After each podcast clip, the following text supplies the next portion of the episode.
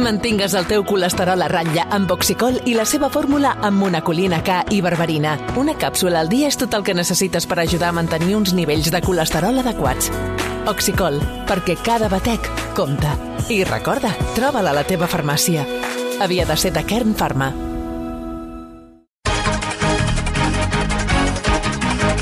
Aquesta hora, com sempre, comencem la lectura de la premsa en diagonal. Marc Segués, bon dia. Bon dia. Anna Alfonso, bon dia. Bon dia. Martí Esteban, bon dia. Bon dia. Avui que bona part de Catalunya ja es, ja es troba en emergència per sequera, les portades i els editorials dels diaris alerten de l'extrema situació que hem arribat i avisen que no es poden fer més passos en fals. Sí, la Vanguardia recorda que el pas que ha fet el govern era el més temut des de fa temps i que ara s'entra en un territori inexplorat que tindrà un impacte imprevisible. L'ara alerta no ens podem tornar a equivocar. Creu que ara paguem les conseqüències d'haver aturat el pla de gestió de la sequera del 2008 i que cal entendre d'una vegada que l'aigua ha passat a ser un bé escàs i car. El periòdico avisa que no hi ha excusa per fer usos individualistes o egoistes de l'aigua i que cal que tothom actuï amb responsabilitat. I José Antic, el Nacional, també subratlla que aquesta tessitura calamitosa en què ens trobem és conseqüència en bona part de no haver fet a temps els deures que han correspost a diferents governs de Catalunya. A Madrid, alguns diaris també aprofiten per criticar la gestió del govern de la Generalitat. Sí, el país adverteix que les restriccions d'aigua haurien d'anar acompanyades d'una nova política hídrica. L'ABC destaca que partits com el PSC, Ciutadans i el PP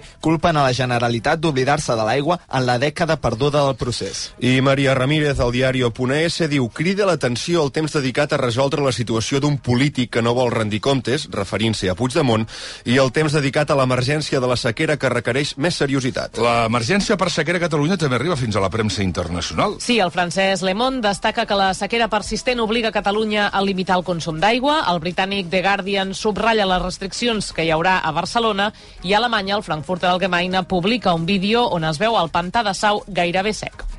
I la defensa capa i espasa que Pedro Sánchez ha fet de l'amnistia, assegurant que el procés no va tenir cap acte de terrorisme, és l'altre tema del dia destacat avui als diaris. A Madrid toquen el crostó al president del govern d'Espanya per extralimitar-se, diu, en el que serien les seves funcions. A la Razón, Francisco Maruenda escriu No sé si els greus incidents del procés van ser terrorisme. El que sí que sé és que Sánchez ha decidit defensar els delinqüents i no els magistrats. En la mateixa línia, El Mundo, Francisco Pascual critica Sánchez per afegir a la seva responsabilitat de president la de jutge, fiscal i agent de la policia judicial per proclamar la innocència dels encausats pel procés. A l'editorial, l'ABC assegura que uns 150 presos per terrorisme, etarra o jihadista sense delictes de sang podrien veure's beneficiats per l'amnistia si es redefineix aquest delicte per satisfer Puigdemont i remata.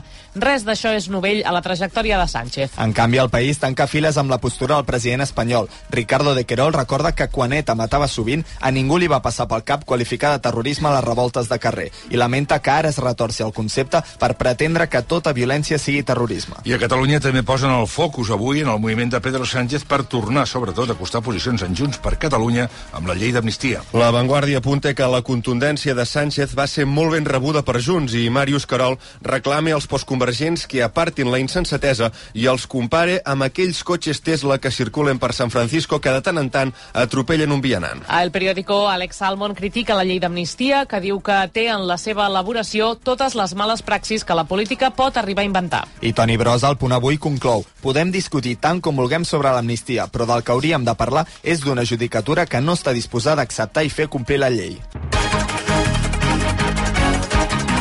Continuem amb la lectura de la premsa en diagonal aquí al món RAC1. Qui se l'intervessarà aquest matí, el Xuxu? Aquest matí a qualsevol francès o francesa que llegeixi l'article de Rosa Belmonte a l'ABC. Exhibe que ens encanta odiar els francesos i ara és el moment de fer-ho. Assegura que Mark Twain gairebé sempre tenia raó també quan deia que França no té ni hivern, ni estiu, ni moral. Argumenta que els polítics francesos tenen molta barra criticant la fruita espanyola per desviar l'atenció dels seus errors. I conclou, diuen que les mandarines espanyoles són fastigoses. Els francesos són el de sempre.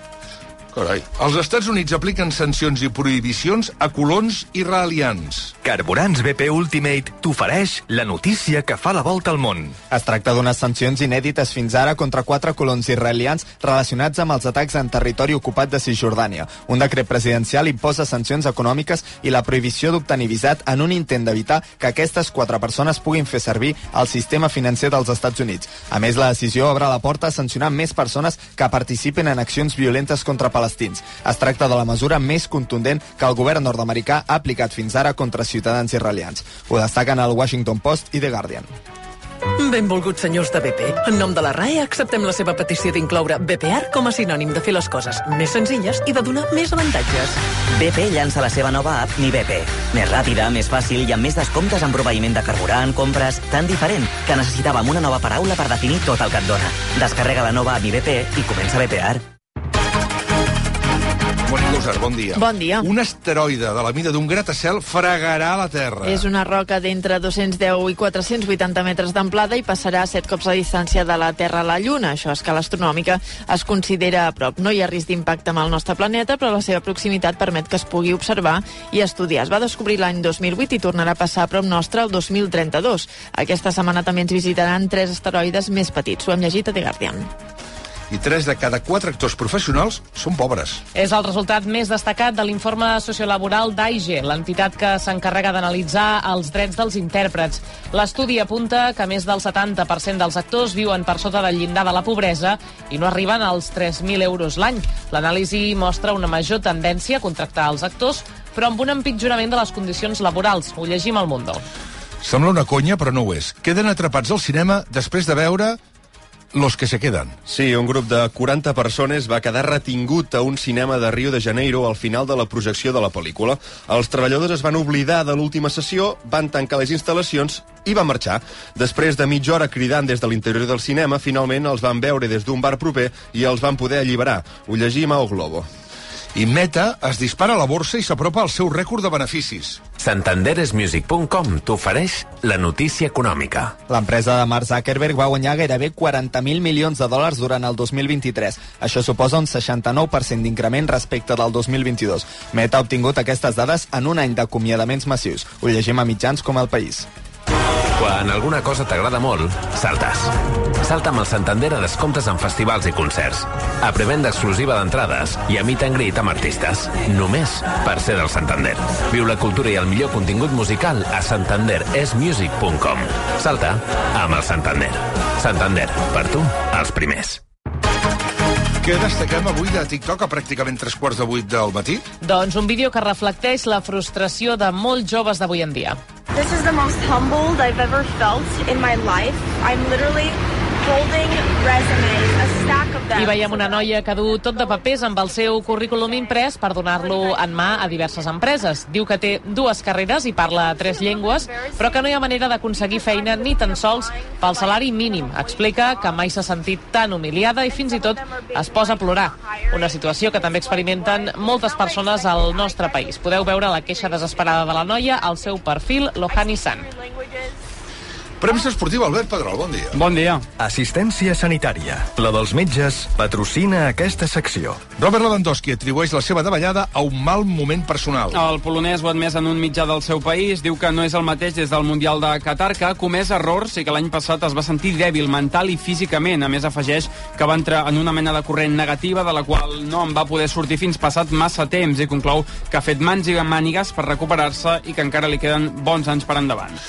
I avui el nom previst, sens dubte, als diaris és el de Lewis Hamilton, que l'any que ve, el 2025, correrà a Ferrari en lloc de Carlos Sainz. A l'avantguàrdia, Toni López Jordà defineix l'operació com el moviment de plaques tectòniques que ha causat el terratrèmol més gran dels últims temps a la Fórmula 1. A Mundo Deportivo, Fabio Marchi s'hi refereix com el fitxatge del segle. Al País, Oriol Puigdemont escriu que el fitxatge de Hamilton per Ferrari és una maniobra que quedarà subratllada per sempre en els llibres d'història de la Fórmula 1. El diari AS, Jesús Balseiro, defineix tot plegat com una notícia bomba i un terratrèmol que torna a convertir Hamilton en el protagonista de la Fórmula 1, tot i que s'endú per davant les aspiracions de Sainz a Ferrari i el marca Miguel Sanz conclou que la incorporació de Hamilton és un dels fitxatges més impactants de la història de la Fórmula 1, però destaca que Sainz no es quedarà sense volant. De quina asseguradora mèdica ets? Jo? De la dels metges. De la dels metges, és clar. Som de la dels metges. Assistència sanitària. Creada, gestionada, dirigida i recomanada per metges. Assistència sanitària. La dels metges. La notícia freda. Lloguer segur. Sempre al teu costat patrocina aquest espai. Jordi Somell, bon dia. Bon dia. La policia de l'Índia ha alliberat un colom que portava 8 mesos detingut per la sospita que era un colom espia. El Cirili. Al maig de l'any passat el van capturar amb dos anelles a les, porta, a les potes que portaven un missatge en xinès. Després, però, la investigació va determinar que el colom era un ocell que participava en una competició a Taiwan, es va escapar i va anar a petar a l'Índia. Pero qué coño va a venir un colom a comer a casa. No, no el sabia aquest. Ja.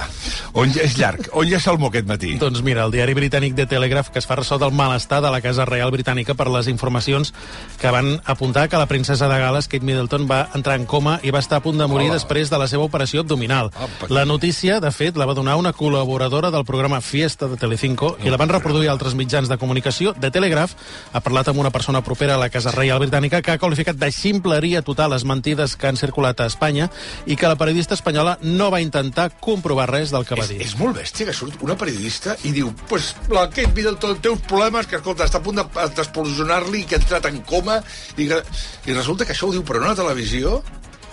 En principi, eh, aquesta periodista va dir que tenia fons també de la Casa Reial Sí, esclar, Britànica. sí, fons de Montjuïc, sí, clar. Sí, esclar, tinc fons per... O sigui, ho deixa anar, munta un conflicte aquí que dius... Bueno, continuarà dient bestieses, sí, esclar. Avui que és la Candelera, que ja sabem que si la Candelera riu, l'hivern és, És viu. abans Diu la Mònica Usar, per tant vol dir que farà fred, mm. vol dir perquè plourà i que nevarà i que tot, és una bona notícia que la Candelera rigui. És l'aniversari de... L'exfutbolista i empresari Gerard Piqué, que Ah, sí. fa 37 anys... 37 anys, però si el fa 37 anys, per molts anys el Gerard Piqué, si els fa ell, els fa ex-ella. Sí, la cantant Shakira, Ay, amor, fue una tortura perderte, Sí, fa sí. 47 anys. Eh? La cantant Dana Internacional, Viva la vida, viva Victoria Cleopatra, 55 anys. Eh? La productora de televisió i directora de l'Acadèmia d'OT, Noemí Galera, 57 anys. I l'exvedet Bàrbara Rey, fa 74 anys. 74 anys, mm. Rei. Atenció, amics i amigues de Noemí Galera. Sisplau, rebenteu-li el mòbil en whatsapps i SMS felicitant-la, perquè la Noemí Galera fa 57 anys, que és una data estupenda, ja t'ho asseguro. Estupenda. Estupenda, de debò. Si arribes tu, Marcegués, que sàpigues que els 57 anys és una edat estupenda. Per tant, felicita la Noemí Galera, que al marge d'una extraordinària persona, a més és una gran eh, directora de l'Acadèmia d'OT. Tant. I el nacional cunyadisme de Xavi Norrigues a Instagram, avui cunyadisme de separació, amb la frase... Ara ho porten bé, però a la que un dels dos tingui parella, ja veurem. L'averia del cotxe, la universitat de l'Anna... No sé com arribaré a final de mes. Tranquil. Si llogues el teu pis amb lloguer segur, pots sol·licitar l'avançament de fins a 3 anys de renda per fer front a imprevistos econòmics o nous projectes. Informa't a lloguersegur.cat o al 910 775 775. Lloguer segur, la reevolució del lloguer. I quina contraportada no ens podem perdre avui en Factor Energia, Marc? La del país que conversa amb l'escriptora manxega Maria Zaragoza, guanyadora del Premi Azorín amb la novel·la La Biblioteca de Fuego. Va començar a escriure ficció amb 7 anys i a l'escola va dir que volia explicar històries i tothom la va mirar de cua d'ull. Per això diu el primer que ha d'aprendre un escriptor és a mentir. Des de petita sent passió pel cinema i el seu primer guió cinematogràfic, Cuentes Divines, està nominat als Goya.